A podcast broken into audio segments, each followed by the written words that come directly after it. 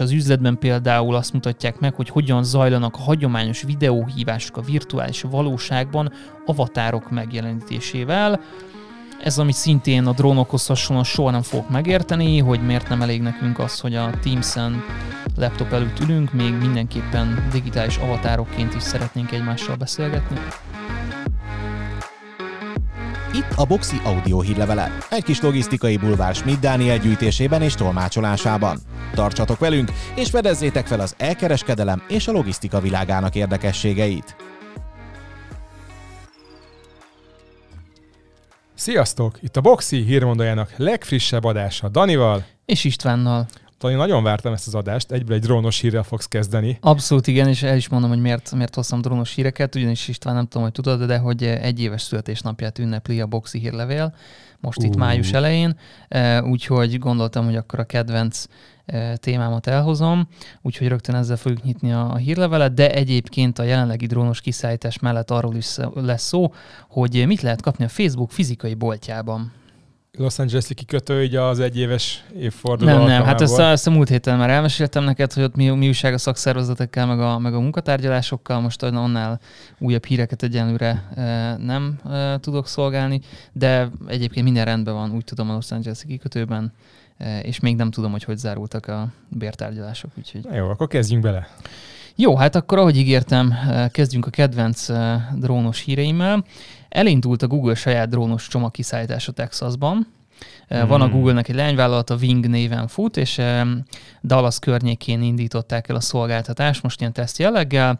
Első körben limitált árufélességek elérhetők, és az induló partnerek között is csak egy pár van, de azok közül egyébként van drogéria, állatpatika és még fagyizó is úgyhogy rendkívül széles a, a termékek portfóliója. A cég egyébként a résztvevő partnerek áruházai mellett ilyen konténereket állít fel ott a parkolókban, és akkor onnan indulnak a, a drónok. A, megrendelték ugye e, az ügyfelek az adott terméket, akkor a boltban az eladók összekészítik ezeket a rendeléseket, átviszik oda e, a kis konténerbe, a kifutópályára, és akkor a drónokat e, hozzá csatlakoztatják ezekhez a kis csomagokhoz, és megindul a kézbesítés. A cég egyébként három országban, Amerikában, Finnországban és Ausztráliában teszteli a szolgáltatását, erről majd mindjárt beszélünk, és túl vannak már a 200 ezredik sikeres kiszállításon, ezt állítja magáról a cég, úgyhogy bőszen teszteltek ebben a három országban, úgy tűnik. A legnagyobb sikereket egyébként Ausztráliában érték el, itt Brisbane külvárosában több mint 50 ezer szállítást végeztek, úgyhogy az ausztrálok ott nagyon kedvelik Brisbane környékén ezeket a drónos kiszállításokat. A drónok kicsit különböznek a versenytársak drónjaitól, ugyanis a Wingnek a, a kis drónjai azok úgy néznek ki, hogy nem kell leszállniuk, mint mondjuk más drónoknak, hanem 7 méter magasságban lebegnek, megközelítik a célpontot, és gyakorlatilag egy ilyen kis kötélrendszer segítségével leeresztik a földre a csomagot, és akkor utána ott hagyják a földön a csomagot. Úgyhogy valójában kisebb a lehetőség arra, hogy ember, vagy kutya, vagy bárki eh, kapcsolatba lépjen a drónnal, hiszen ezek 7 méter magasból leeresztik a csomagot. És hát eh, ide mondtam, hogy az USA, Finország, Ausztrália vonalra egy percre még visszatérünk, eh, bár továbbra is ellenzem a drónos kiszállítást, azért amit el szoktam mondani, az ugye itt is érvényesül, hogy nem véletlenül ezekben az országban tesztelik, tehát hogy Finországban, hogy óriási kiterjedt ilyen tóhálózat és lakatlan négyzetkilométereknek nem tudom a százezrei. Ausztráliában ugyanerről beszélhetünk valószínűleg, hogy nagy egybefüggő területek, nem túl sűrű infrastruktúrával, és az USA-ban is, hát nem véletlenül Texasban indulnak, valójában Texas egy nagy üres puszta, úgyhogy ezeken a területeken és ezekre a felhasználásokra valószínűleg úgy tűnik, hogy jó lehetnek ezek a drónok, és rögtön ide kötném egyébként a következő hírünket is, mert hogy ez tök jó, hogy tesztelnek meg, stb., de, de felmerül a kérdés, hogy egyáltalán még, hogyha minden szembe menne azzal, amit mondok, és ez infrastruktúrálisan, meg jogilag, meg mindenhogy kivitelezhető lenne, de hogy mit, mi is történne üzletileg ez esetben. És hát a következő hírünkben szakértői becslések láttak napvilágot arra vonatkozóan, hogy mennyibe is kerülhet majd egy ilyen drónos kiszállítás, mégpedig az Amazonnak a saját drónos kiszállítása. Ezt próbálták megbecsülni a szakértők. Jelenlegi információk szerint a cég 2025-re tervezi a Prime Air szolgáltatás elindítását, ez lenne a drónos csomagkiszállítás, viszont az idei évben el akarják indítani a tesztüzemet, 1300 vásárlót szeretnének bevonni, Jelenleg az Amazon saját logisztikai hálózatában kivinni egy darab csomagot, az ilyen 3,5 dollár körül van. A harmadik feles szállítások, amikor az Amazon csomagjait odaadja a UPS-nek, vagy a postának, vagy bárkinek, akkor az ilyen 4,5-5,5 dollár között van most csomagonként, ami a cégnek költségként fölmerül.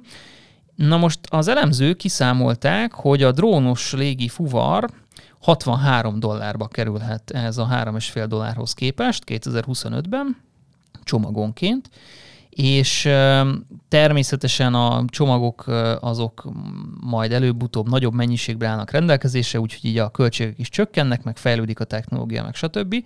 De most ehhez a teszthez, amit idén szeretnének elindítani, egy darab drón az majdnem 150 ezer dollárba kerül, és egy rendkívül nagy 5 kilométeres hatótávot bír berepülni. A cég reményei szerint a drón költsége a felére fog esni 2025-re, a hatótávot pedig háromszorosára tudják majd emelni, tehát reménykednek benne, hogy 2025-re sikerül odáig letolni a költségszerkezetet, hogy csak ilyen 75 ezer dollárba fog kerülni egy darab ilyen nyomulról drón, és 15 kilométer tud majd megtenni és akkor valószínűleg a 63 dollárról is majd lejjebb tudnak csúszni. De 10-15 dollárra? Hát igen, kérdés, hogy akkor ebből most mennyi az, amit még mondjuk hajlandóak marginból keresztfinanszírozni, de az biztos, hogy soha nem lesz ilyen 3-4 dollár a következő 5-10 évben ez a szállítás, mint amit most látunk, tehát hogy ez mindig is egy prémium szegmens lesz, ami nem minden termék esetében fogja megérni, tehát eleve egy limitált, ugye méretét, súlyát tekintve is csak limitált termékek kerülhetnek bele, aztán még ki kell termelni a drágább, egyenlőre drágább költségeit is, tehát nagyon nagyon nis szegmens lesz, hogyha lesz egyáltalán ez a, ez a drónos kiszállítás, és nagyon kíváncsi vagyok, hogy mi is tulajdonképpen az a, az a termékkategória, amit majd kifejezetten drónokkal akarnak kiszállítani. Na mindegy, tehát, hogy a lényeg ez, ahogy mondtam, ez most egyenlőre nem túl életszerű és rettenetesen drága, tehát 63 dollárba kerülne most a 3,5 dollárhoz képest. Nem hiszem, hogy vannak olyan userek, akik szeretnének 63 dollárt kifizetni egy drónos szállításért, de hát ezt majd az élet eldönti. Hát egyik a komolyabb bútor csomag az simán kerülhet ennyibe, hogy kihozzák, de hogy a drón meg nem hozza ki a bútorokat.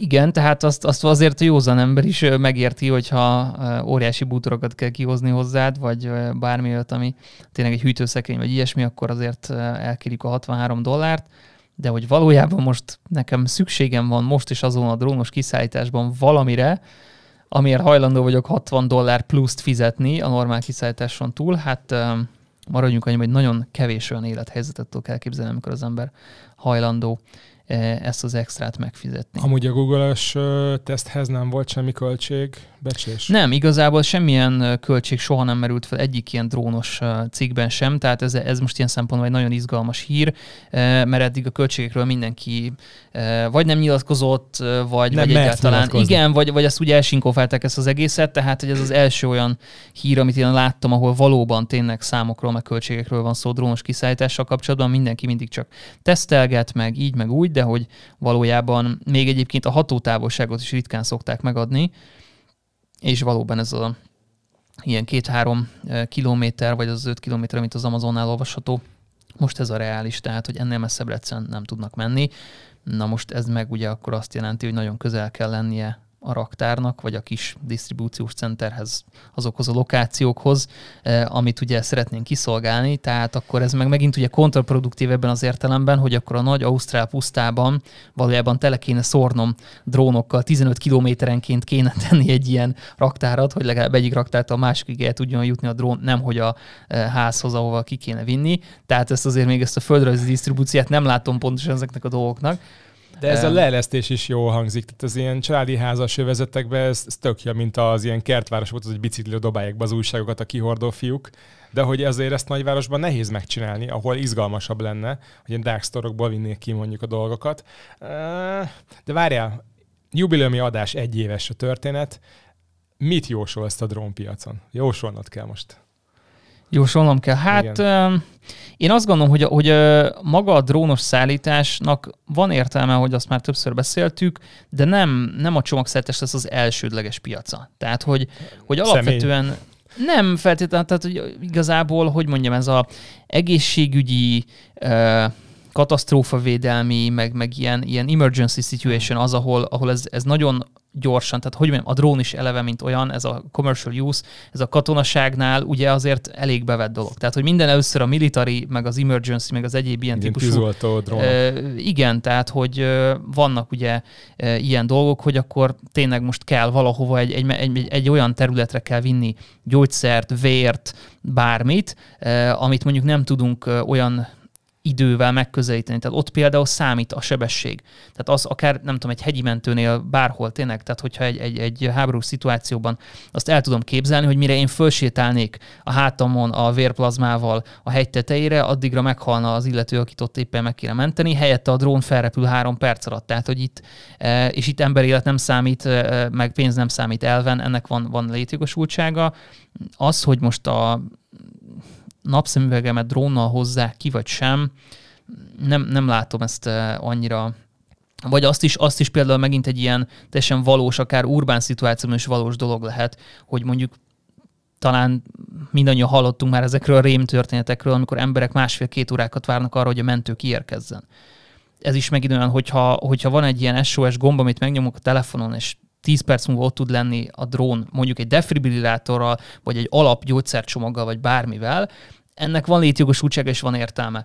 Az, hogy 63 dollárért valaki kihozzon nekem egy iPhone-t, egy töltőt, egy napszemüveget, egy akármit, e, ezt én egyenlőre nem, nem látom, hogy ez, ez valóban e, nagy tömegben e, értelmes lenne de biztos, hogy mivel, hogyha már a technológia kicsiszolódik ezeken az emergency meg egyéb szenáriókon, akkor utána már a commercial use-nak is nagyobb lesz a, a létjogosultsága, és igen, hogyha le tudnak menni odáig az árak, hogy egyébként mondjuk azt mondom, hogy 5 dollár, hogyha házhoz hozzák nekem két nap alatt, de 10 dollár, hogyha most azonnal kihozza nekem a drón, akkor persze, hát ez ugyanolyan, mint a Volton is, hogy van akkor 10 perces szájtás, meg 20 perces szájtás, van olyan, amiért kifizeted, nekem is, tudod, van a, van a, nem véletlenül vannak a Volton is fagyi, meg csoki, meg ilyenek. Tehát, hogy igen, amikor ülsz otthon a kanapén, és megkívánsz egy magnumot, és rá tudsz nyomni a Volton a gombra, hogy 20 perc múlva legyen itt a magnum a kezembe, akkor ki fogod fizetni. Vannak azok a szituációk, amikor kifizeted. Nyilván itt is lesznek ilyen szituációk, tehát el tudom képzelni, de azért az, hogy ez Uh, Offszer kiszállítás. P- például igen, de, de hogy itt nekem igazából nem az a, a ebben a fő üzenet, hogy, hogy ezt, ezt a userek szeretnék, vagy nem. Tehát szerintem ezek egy ilyen marketing hackként indult ez az egész, amiben van létjogosultság a dolognak, és ami ebből szerintem egy fontos tanulság, az az, hogy a meglévő infrastruktúrák megteltek. Tehát a földön, az úton gyakorlatilag már nem tud hová terjeszkedni egy cég, nem tud gyorsítani, nem tud több ember, több autót beállítani, mert a városi utak azok tele vannak, forgalmasak, egyre nagyobbak a dugók, stb. Tehát egy és új infrastruktúrát... le őket. Igen, és egyre nehezebb szabályozások jönnek, stb. Tehát, hogy ezt próbálják kordában tartani, és ők egy új, új dimenziót keresnek ebben. És ebben az értelemben abszolút értem a törekvést, hogyha az úton és kettő dimenzióban már nem tudunk hova terjeszkedni, mert, mert fizikailag elfogyott az infrastruktúra, akkor megkeressük a harmadik dimenziót, és akkor térben kezdünk el fölfele terjeszkedni. Um, hogy ennek ez lesz a jó megoldása, ezt nem tudom. Majd Elon Musknak lesz egy szabad esteje, aztán kitalálja. Igen, de, de tudod, ugyanez van a repülőtaxival is, hogy erről is már rengeteg ilyen hír volt, hogy akkor az Uber már a repülőtaxi bizniszét építi lassan, meg meg hogy akkor ilyen e, e, tényleg egyszemélyes ilyen kis mini helikopterek, meg stb. Aztán hogy, hogy nem még nincsen tele az ég egy személyes mini helikopter taxikkal, tehát hogy... Igen, mert a levegőben tartásnak annyival nagyobb az energiaigénye, mint amikor földön kell gurulnod, hogy nem lesz Na mindegy, tehát hogy én, én azt gondolom, hogy azért még nem tartunk itt, hogy ez, ez tényleg egy, egy valós igény legyen, hogy ezt tömegével kell csinálni. Maradjunk annyiban, hogy vannak ilyen célfelhasználások, amire jó lehet, de egyébként ilyen költségszint mellett csak olyan célfelhasználást tudok elképzelni, ahol pénz nem számít, mondom. Tehát amikor életem, emberéletet kell menteni, vagy, vagy olyan szituáció van, amikor a pénz meg a költség az nem szempont. És ha már az embereknél tartunk, meg a pénznél, meg a nem szempontoknál, következő hírünkben eh, egy 20%-os általános béremelést jelentett be a horvát posta. Itt ez azt jelenti, hogy 8000 operációban dolgozó alkalmazottját fogja 20%-os béremeléssel megjutalmazni a cég. A posta elnöke kifejtette, hogy a 2020-as horvátországi földrengés és a pandémia okozta logisztikai problémák ellenére is sikerült mindig helytállni a cégnek, ez pedig az alkalmazottak érdeme. A cég az elmúlt hat évben rengeteg pénzt ölt informatikai, infrastruktúrális és egyéb ilyen operációt érintő fejlesztésekbe. A vezetés most úgy gondolja, hogy ideje az emberekbe is investálnia, hiszen a szolgáltatás arcai az alkalmazottak és a megfelelő technológiai háttér mellett a nap végén egyébként rajtuk múlik, hogy sikeresen a szolgáltatás hogy most ez a hír, ez a felelős vállalatvezetés egy kiváló példája, vagy most éppen a növekvő inflációs nyomáshoz tökéletesen igazították ezt a PR és marketing kampányt, ezt mindenki döntse el maga. Minden az egy szerintem kifejezetten egyrészt szimbolikus abban az értelemben, hogy valóban, hogyha elhisszük, amit mond a posta akkor ez valóban egy nagyon szép gesztus a részükről. Másrésztről meg igen, hogy említettem, az inflációs nyomásról most, most itt tart a világ, hogy két számjegyű, vastagon két számjegyű béremeléseket kell komplett alkalmazotti gárdáknak, több ezer, több százezer embernek ajánlani, azért, hogy egyáltalán ott maradjanak nálunk. Ugye erre volt már hírünk korábban a Walmart meg az Amazon kapcsán is, hogy elképesztő fizetések vannak, akár a kamionsofőr, akár egyéb szegmensekben. Horvát postának is hasonló a helyzete, mint a magyar postának? Hasonló állami tulajdonban van? Igen, úgy tudom, hogy hasonló állami tulajdonban van. A horvát postának olyan szempontból azért picit más a helyzete, hogy jóval kisebb, tehát azért itt a 8000 operációban dolgozó alkalmazott az egy, az egy jelentősen kisebb szám, mint a Magyar Posta operációs létszáma. Cserébe a horvát postának olyan szempontból egy nagyon komplex és bonyolult feladata van, hogy szárazföldön sem egyszerű Horvátországnak a földrajza, és ehhez jönnek hozzá még a szigetek. Már pedig vannak ilyen országok, tényleg Görögország, Horvátország, akár Norvégia, ahol minden egyes... Indonézia. Igen, tehát ahol minden egyes lakost elérni, minden egyes kis szigeten, az, az egy rendkívüli logisztikai erőfeszítés. Ráadásul ezek olyan költségek, amik igazából nem lehet javítani, nem lehet hatékonyabbá tenni. E, lehet olyat ígérni, hogy akkor, aki a szárazföldön lakik, annak mondjuk két napon belül megjönnek a levelei, aki a szigeteken, az meg várjon rá egy hetet, de hogy igazából ezek olyan földrajzi akadályok, amiket egy bizonyos ponton túl nem, nem tudnak e, megugrani. Tessék, a drónnal. De így, tessék, között. így van a drónnal. Úgyhogy Úgyhogy egyébként valóban, ami itt a hírben is van igaz, a horvát posta az elmúlt néhány évben kifejezetten még a pandémia előtt is már, már foglalkozott azzal, hogy, hogy aktívan keresse az innovációt, a technológiát, fejlesz a dolgait.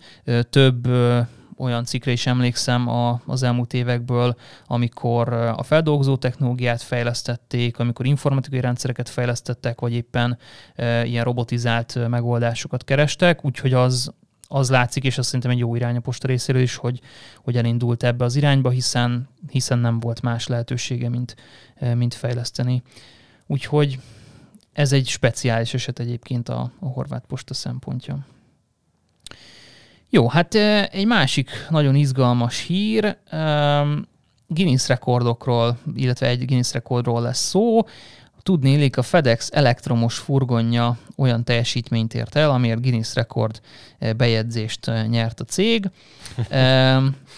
Van nekik egy ilyen elektromos furgonjuk, amit a GM-nek az egyik lányvállalata gyárt, Bright Drop Zevo 600 névre hallgat maga a modell.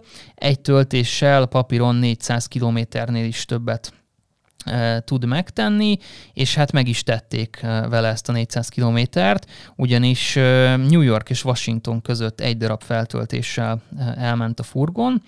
A sofőr egy rutin szállítmányt vitt. Egyébként, tisztítószereket forgalmazó cégnek volt ez egy megrendelése, 415 kilométert sikerült megtennie egy töltéssel a sofőrnek, egyébként a jármű hivatalos hatótája 400 km körül van.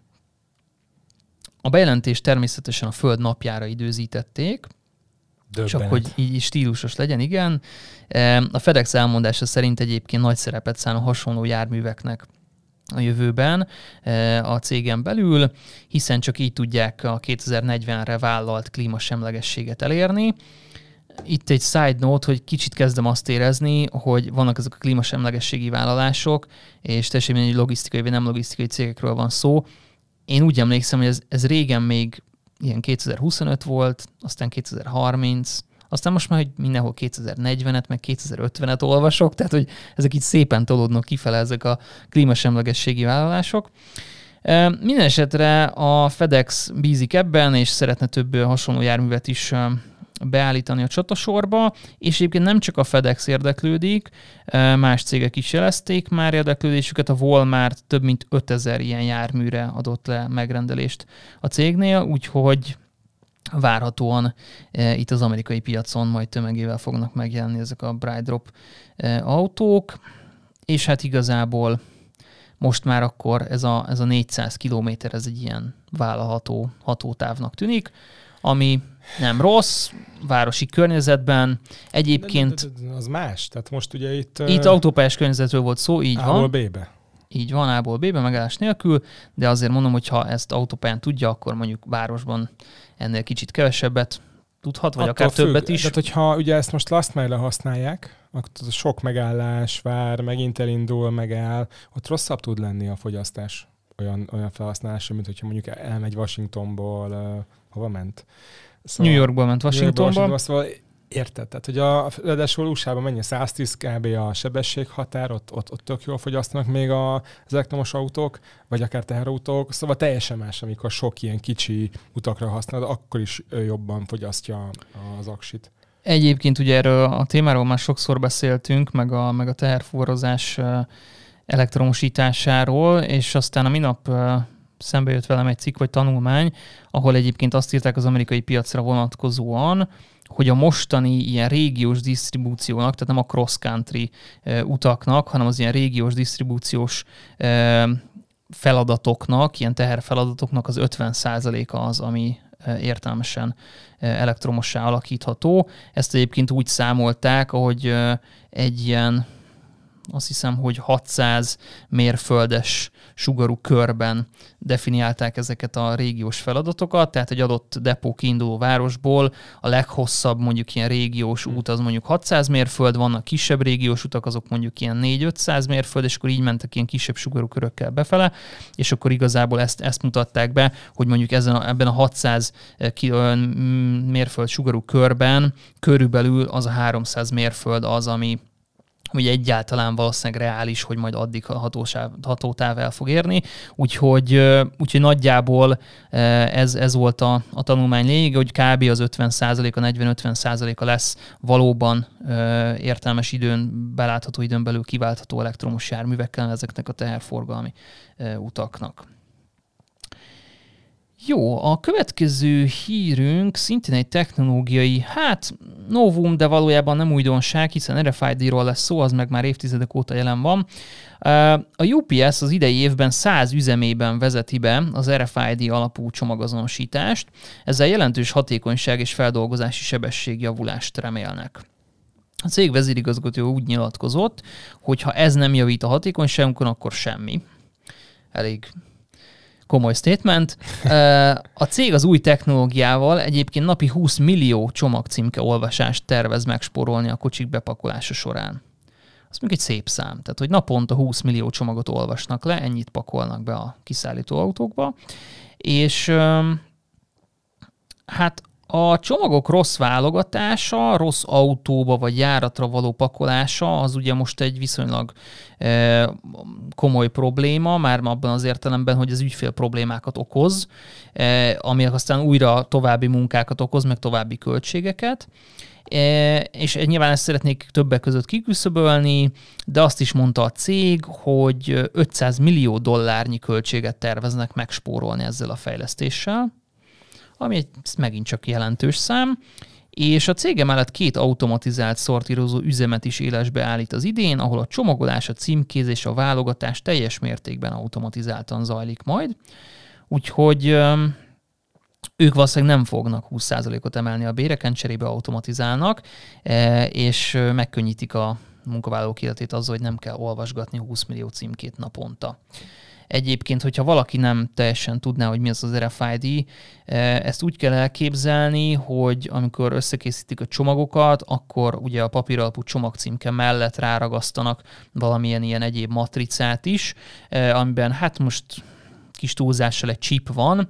Bolti lopásgátlók. Igen, tehát ha valaki könyvet vesz, akkor a, drágább értékű könyvekbe szokott belegasztva ez a, ez a fehér kis matrica, ilyen ö, négyzet alakú matrica lenni, az egy RFID chip, és igazából minden egyes csomagra ráragasztanak egy ilyen RFID chipet, és a raktárban pedig egy ilyen olyan, mint a fémdetektor, csak ennél nyilván nagyobb, ilyen RFID kapukat kell építeni ehhez, meg elképzelni, és tulajdonképpen arról van szó, hogy amit most ugye megfog egy munkavállaló csomagot, azt le kell olvasni egy vonalkódolvasóval, majd akkor el kell végezni azt a műveletet, legyen az kipakolás, bepakolás, stb., és innen tudjuk azt az információt, hogy valóban bekerült mondjuk az autóba a csomag, hiszen hogyha nem olvasná le senki, akkor nem tudnánk ezt az információt. Most ehelyett gyakorlatilag az RFID kapuk eh, leolvassák ezeket a, a csipeket, amikor átmegy alattuk, tehát kvázi, ahogy haigálja be mondjuk az autóba a kollega a csomagokat, ott a kapun átmegy a csomag ezáltal, e, és akkor önmagától leolvasódik, és akkor innen tudjuk, hogy bekerült az autóba a csomag. Ugye ennek az a nehézsége, hogy amit leolvasol a csípről, azt ugye meg is kell írni, tehát hogy oda is kell jutatni az információkat, tehát gondolom akkor a bevételezésnél ott mindig pontosan. Ez nagyon jó kérdés, hogy ezt, ezt hogy tervezik, tehát hogy akkor uh, igazából a, a folyamatnak az eleje érdekelne, hogy amikor valaki felad egy UPS-es csomagot, akkor ez most mibe a ezt a partnereknek akkor kiosztanak három zsák RFID-t, hogy akkor ezt mindig ragaszták rá, amikor összeállítják a csomagot, vagy amikor a futár fölveszi, akkor mindegyikre fölragaszgatja egyesével ezeket a, a csipeket, vagy ezt, ezt, ez még azért egy, egy izgalmas kérdés lenne számomra, hogy a, az elején hogy oldják meg a rendszerben, hogy ezt, hogy ezt ellássák ezzel az RFID csippel, de olyat is el tudok képzelni, talán már láttam ilyet is az interneten, hogy magába a karton dobozba építik be azt hiszem a csipet, és akkor lehet, hogy Ez ők adják a olvasható. Igen, csíp. lehet, hogy akkor ők adják magát a csomagolóanyagot az ügyfeleknek, és akkor így ez, ez meg van oldva. Mindenesetre igen, tehát itt ezt meg is kell kreálni ezt az információt, és a csipre ráírni, hogy akkor ez a csomag tényleg azt a terméket tartalmazza, ennyi kiló, stb. ide megy ez a címzet. És van-e elég csip? Hozzá. Jó, Ami... igen, ezek nem azok a csipek, amiket a számítógépeinkbe de... rakunk, de valójában igen, itt is. Hasonló alapanyagból készül, szóval a Hát igen, meg ugye kérdés, hogy, hogy ez most nem egyébként létezik ilyen technológia, meg használják a logisztikában itt ott, de ez nem egy, nem egy bevett gyakorlat minden logisztikai cégnél, és az mondjuk egy jó kérdés, igen, hogy amikor napi 20 millió csomagcímkét olvasunk be, tehát napi 20 millió RFID-ra van szükség, akkor ez gyártástechnikailag, vagy épp az ellátási láncban most ez, ez rendelkezésre áll naponta 20 millió RFID címke, és akkor ezekkel mi lesz. De majd biztos lesz róla hír, hogyha hirtelen a UPS-nek elfogynak az RFID címkéi, úgyhogy meglátjuk. Akkor átállnak arra, hogy minden doboz mindegyik oldalra tesznek vonalkodót, és akkor egy ilyen kamerás kapunk keresztül viszik keresztbe, hasonlóan mondjuk, mint az ilyen kamerás sztorok az Amazonnál, és kész. És akkor így megoldják kamerával. Ez is egy irány, igen. Na jó, hát menjünk is tovább. Mindenki azt hiszem, hogy eleget hallott már róla, hogy az üzemanyag árak így meg úgy. Magyarországon most egyenlőre szerencsés helyzetben vagyunk, viszont ez nem mindenhol van így a világban, úgyhogy hoznék is egy kiváló ellenpéldát.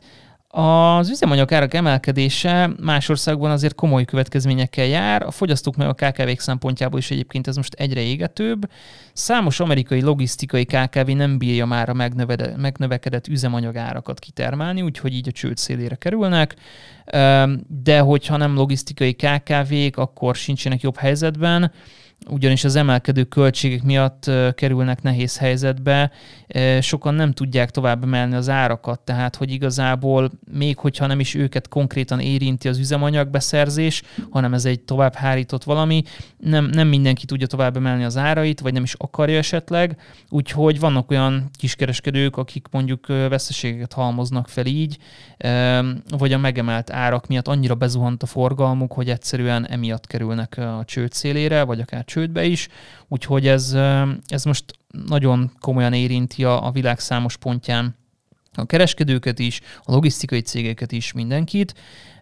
A nagy cégek egyébként szintén problémával küzdenek ez ügyben, nyilván őket is érinti ez a dolog. Az Uber egységesen fél dollárt ad hozzá most már minden fuvarhoz az elmúlt időszakban, hogy kompenzálja az üzemanyag áremelkedést.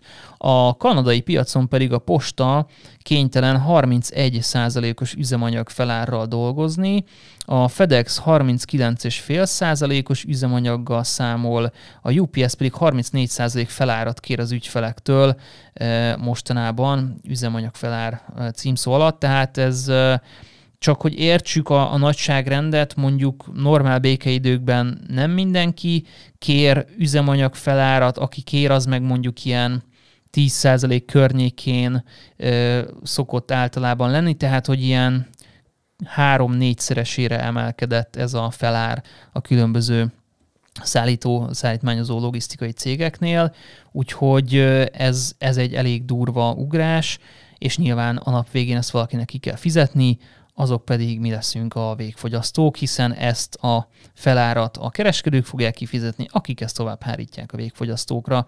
Úgyhogy Hát ezek nem jó hírek, már csak azért sem, mert ugye ezek a, a számok viszonylag jól mutatják azt, hogy mi várható, akár nálunk is, hogyha mondjuk egy, egy ársapka lekerülne az üzemanyagokról. Az ingyenes kiszállítás korszaka véget ér hivatalosan is.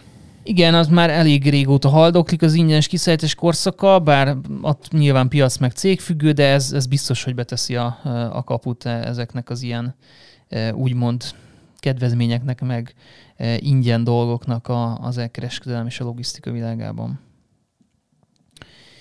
Jó, viszont hogyha a fulfillment terepére egy kicsit visszakanyarodunk, a belga postának van egy leányvállalata, az Active Ants Fulfillment címszólat futnak, nagyon aranyos Igen. kis logójuk, meg, meg céges arcolatuk van, ilyen szorgos hangyákként állítják be magukat. Szóval ők egy fulfillment cég, kifejezetten elkereskedelemmel és KKV-kkal foglalkoznak, ötödik üzemüket fogják nyitni szeptemberben, most éppen az Egyesült Királyságban. Van két holland, egy belga és egy német fulfillment centerük már, ami üzemel, és hát érthető módon a kontinens legfejlettebb elkereskedelmi piacára is be akartak lépni, úgyhogy új üzemet nyitnak Angliában, gyakorlatilag Northampton mellett épül ez a raktár, ez London és Birmingham között félúton van, kvázi a Szigetországnak így a, a közép-közép pontjában. Ez nyilvánvalóan nem véletlen választás, tehát elosztási szempontból, meg beszállítási szempontból, meg minden szempontból ez, ez egy ideális lokáció a cég számára. Nyilván, hogyha nagyon London közeliek lennének, akkor e, mondjuk az északi régiókat nehezebben tudnák kiszolgálni, e, vice versa, hogyha fönt lennének Edinburghba, akkor meg a londoni régió túl messze van. Úgyhogy félúton hoztuk egy kompromisszumot, és a raktáról egyenlően bővebb információt nem közölt a cég, de azt tudjuk róluk, hogy alapvetően már 250 ügyfelük van, éves szinten 5 millió rendelést teljesítenek. Ebben a négy darab üzemben, ha jól számolok, igen, és, és egyébként kvázi majdnem teljesen automatizálta a fulfillment centerük, tehát a robotizált maga a storing és a picking, a csomagoló állomások is gyakorlatilag azt hiszem, hogy egy automata csomagológéppel vannak ellátva, tehát ehhez sem kell már emberi erő, nagyon hatékony operációt visznek a szorgos kis hangyák. Hm.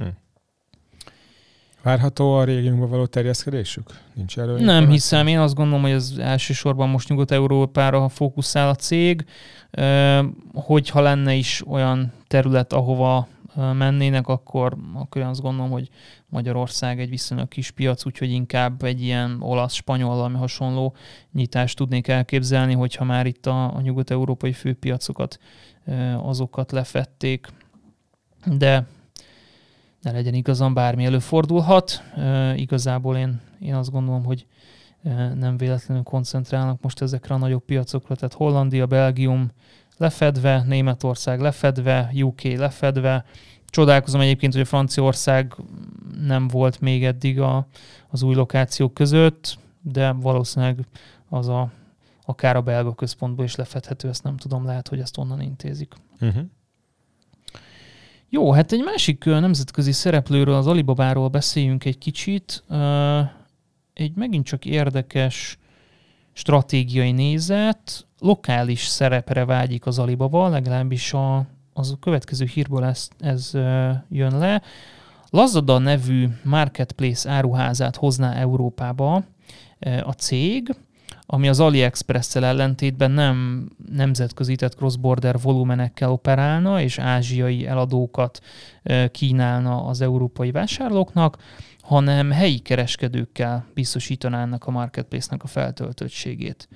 Lazada egyébként egy nagyon népszerű ázsiai piactér, ott a dél-kelet-ázsiai régióban azt hiszem, hogy piacvezető is, 159 millió aktív felhasználója van, Egyelőre nincsen hír arról, hogy mely európai országokba terjeszkedne a cég, viszont ugye az Alibabának a logisztikai bázisa, meg a cége, a Kainao, ők már ugye tavaly Belgiumban nyitottak egy nagy logisztikai bázist, és mondjuk akár Lengyelországban, meg azt hiszem, hogy Olaszországban is vannak már csomagautomatáik, szóval én azt látom, hogy szépen ügyesen kiépítették az ilyen logisztikai bázisokat, aztán most szépen hordják is rá ezeket az üzleti volumeneket, amik majd itt kiszolgálják ezt a, ezt a logisztikai operációt és hát tekintve, hogy ugye, ahogy az előbb mondtam, hogy Belgium környékén nyílt meg a, a Kainao-nak a, a logisztikai bázisa,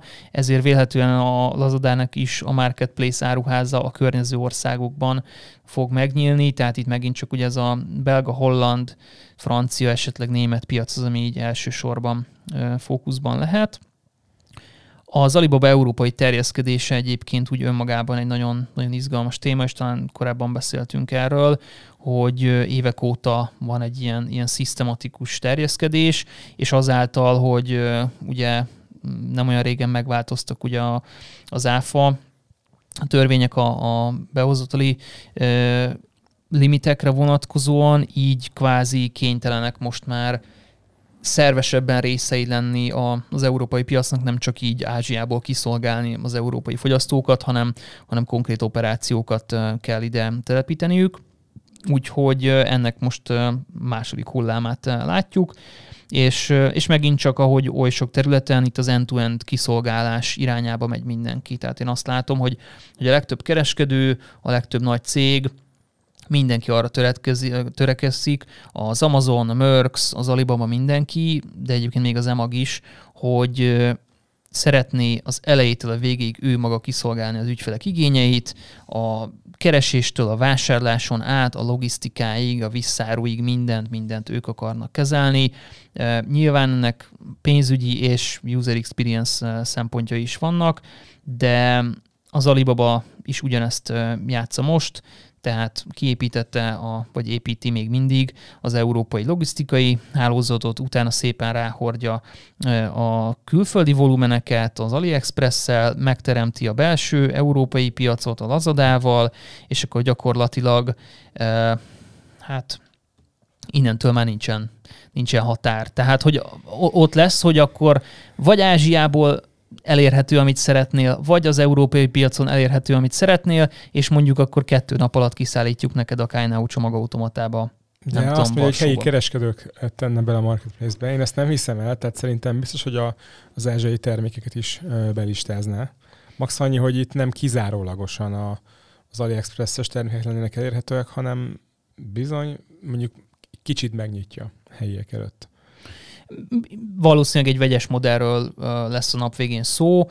Most itt nyilván kell egy ilyen stratégiai elkülönítést tenni, hogy, hogy az AliExpress meg a Lazada nem lehet ugyanaz, nem akarja őket szembeállítani, mint versenytársakat. Ez egy kiegészítő dolog kell, hogy legyen Vagy szerintem. pont, hogy akarja.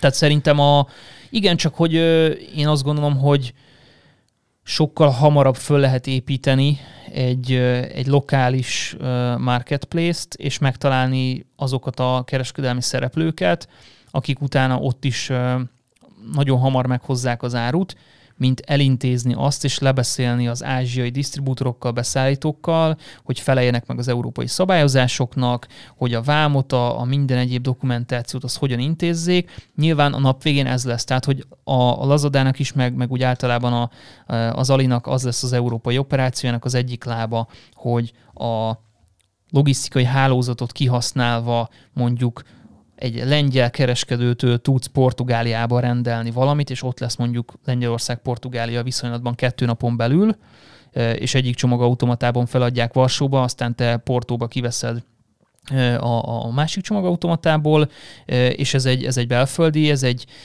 európai marketplace-en történik, emellett pedig azt gondolom, hogy igenis lesznek belistázva olyan termékek, meg olyan szegmensek, amik meg kifejezetten Ázsiából jönnek, viszont ehhez meg nyilvánvalóan egy európai központi fulfillmentet, vámkezelést, hasonló dolgokat kell nyújtania például a Kainao belgiumi bázisában az hmm. Alinak, és akkor kvázi válogathatsz, hogy akkor itt van ez a póló Lengyelországból, kettő nap alatt ennyi forintért, meg van Kínából kicsit olcsóbban, de mit tudom én, egy hét alatt, vagy hogyha már éppen van raktáron, akkor meg csak árversenyről van szó.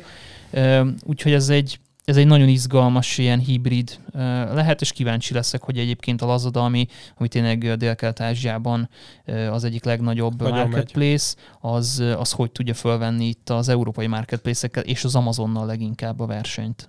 Igen, mert ugye a kínai kereskedőcégek azok nem annyira erősek brandépítésbe, mint amire itt szükség lenne. Tehát, hogyha nem, nem a termékvonaluk ez erős, és mi nem is tesznek be a dél-kelet-ázsiai termékeket, akkor márkát kell építeniük, az meg nem annyira az ő terepük.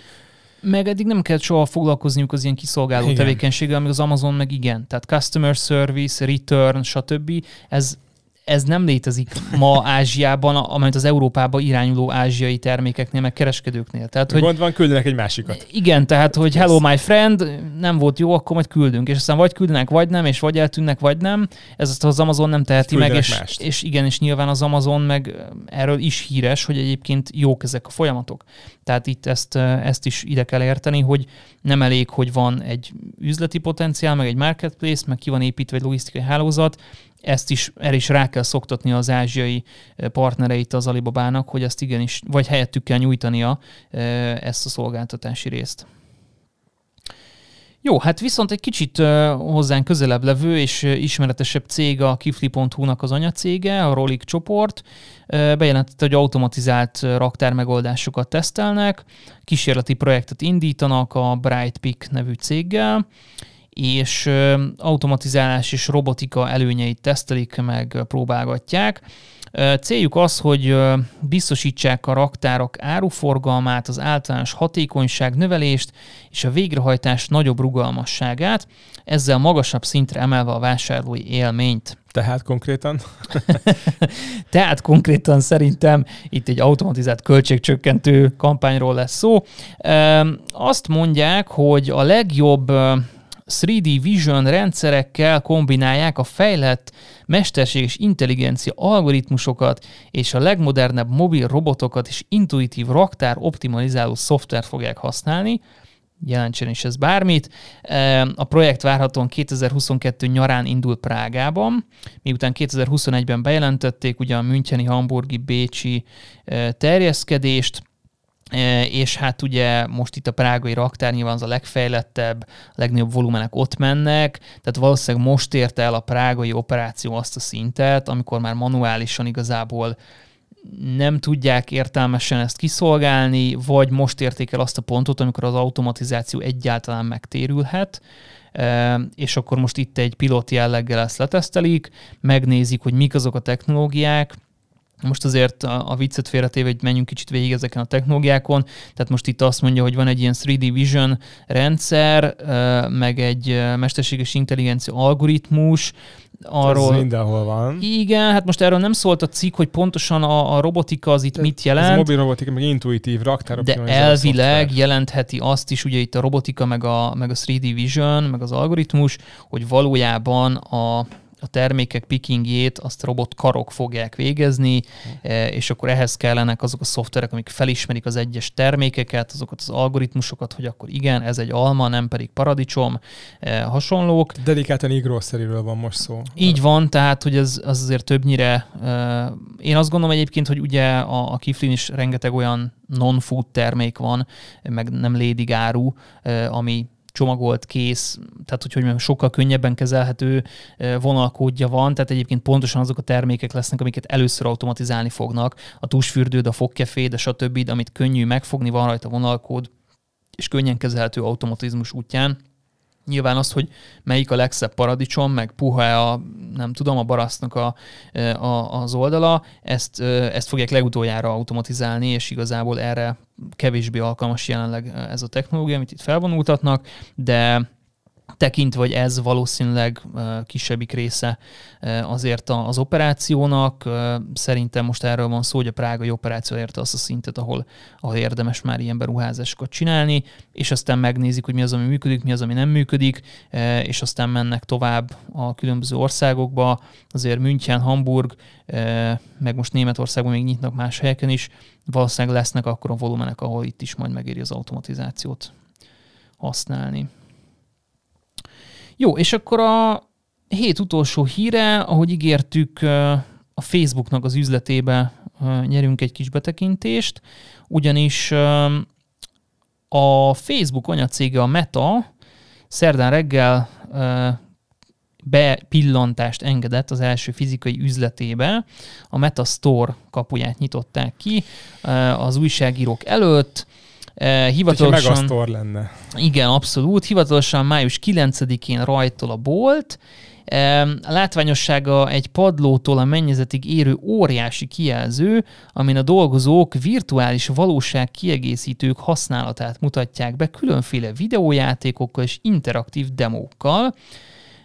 A szokásos ilyen világos fabútorzat, minimalista dekoráció, Apple Store-ra hajaz az egész, a Meta Store, ugyanis ez a neve elvileg, a Meta Reality Labs egységének fő kampuszán, a kaliforniai Burlingame városában található, és, és itt lehet akkor majd többnyire ezekkel a metaverzumhoz kapcsolódó termékeket vásárolni. A vállalat ezen részlege fejleszti az eladásra szánt fogyasztói hardvereket, ugye többek között itt van a ray közös okos napszemüvegük, a videóhívásokhoz használható portál nevű eszközük, ez olyasmi, mint a HomePod, eh, meg a Google-nek a hasonló termékei, meg az Alexa, és ugye hát az Oculus VR headsetek is a, a Facebook anyacége alá tartoznak, úgyhogy a Meta mellett a fogyasztók körében ugye népszerűsíti a hardvereket is, és én azt gondolom, hogy ez a, a, a központja lesz igazából minden ilyen hardveres bemutatónak, meg a Metastore-nak ez lesz a fizikai, tényleg a ilyen belépő helyszíne, és emellett egyébként azt is mondta a cég, hogy vállalkozások számára is szeretnének különféle bemutatókat tartani, és az üzletben például azt mutatják meg, hogy hogyan zajlanak a hagyományos videóhívások a virtuális valóságban avatárok megjelenítésével. Ez, ami szintén a drónokhoz hasonlóan soha nem fogok megérteni, hogy miért nem elég nekünk az, hogy a Teams-en laptop előtt ülünk, még mindenképpen digitális avatárokként is szeretnénk egymással beszélgetni a virtuális térben, de... Tehát kód sincs. Akkor miért az avatárt?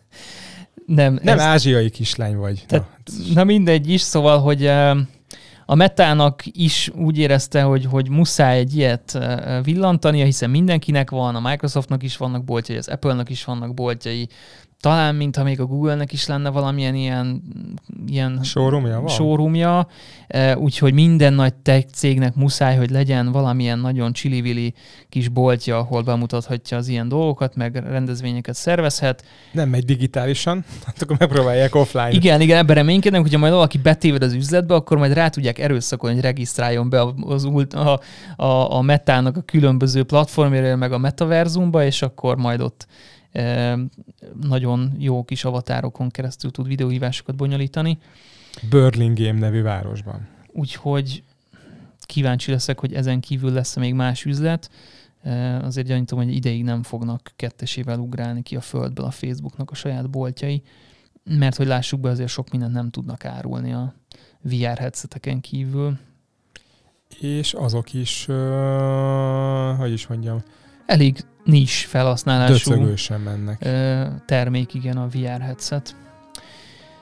Na jó, tehát, hogy aki valami óriási áttörésre számított a Facebook bolt kapcsán, az ne reménykedjen, de elmehet... Többet nem hallgatják meg adás végén ezeket a...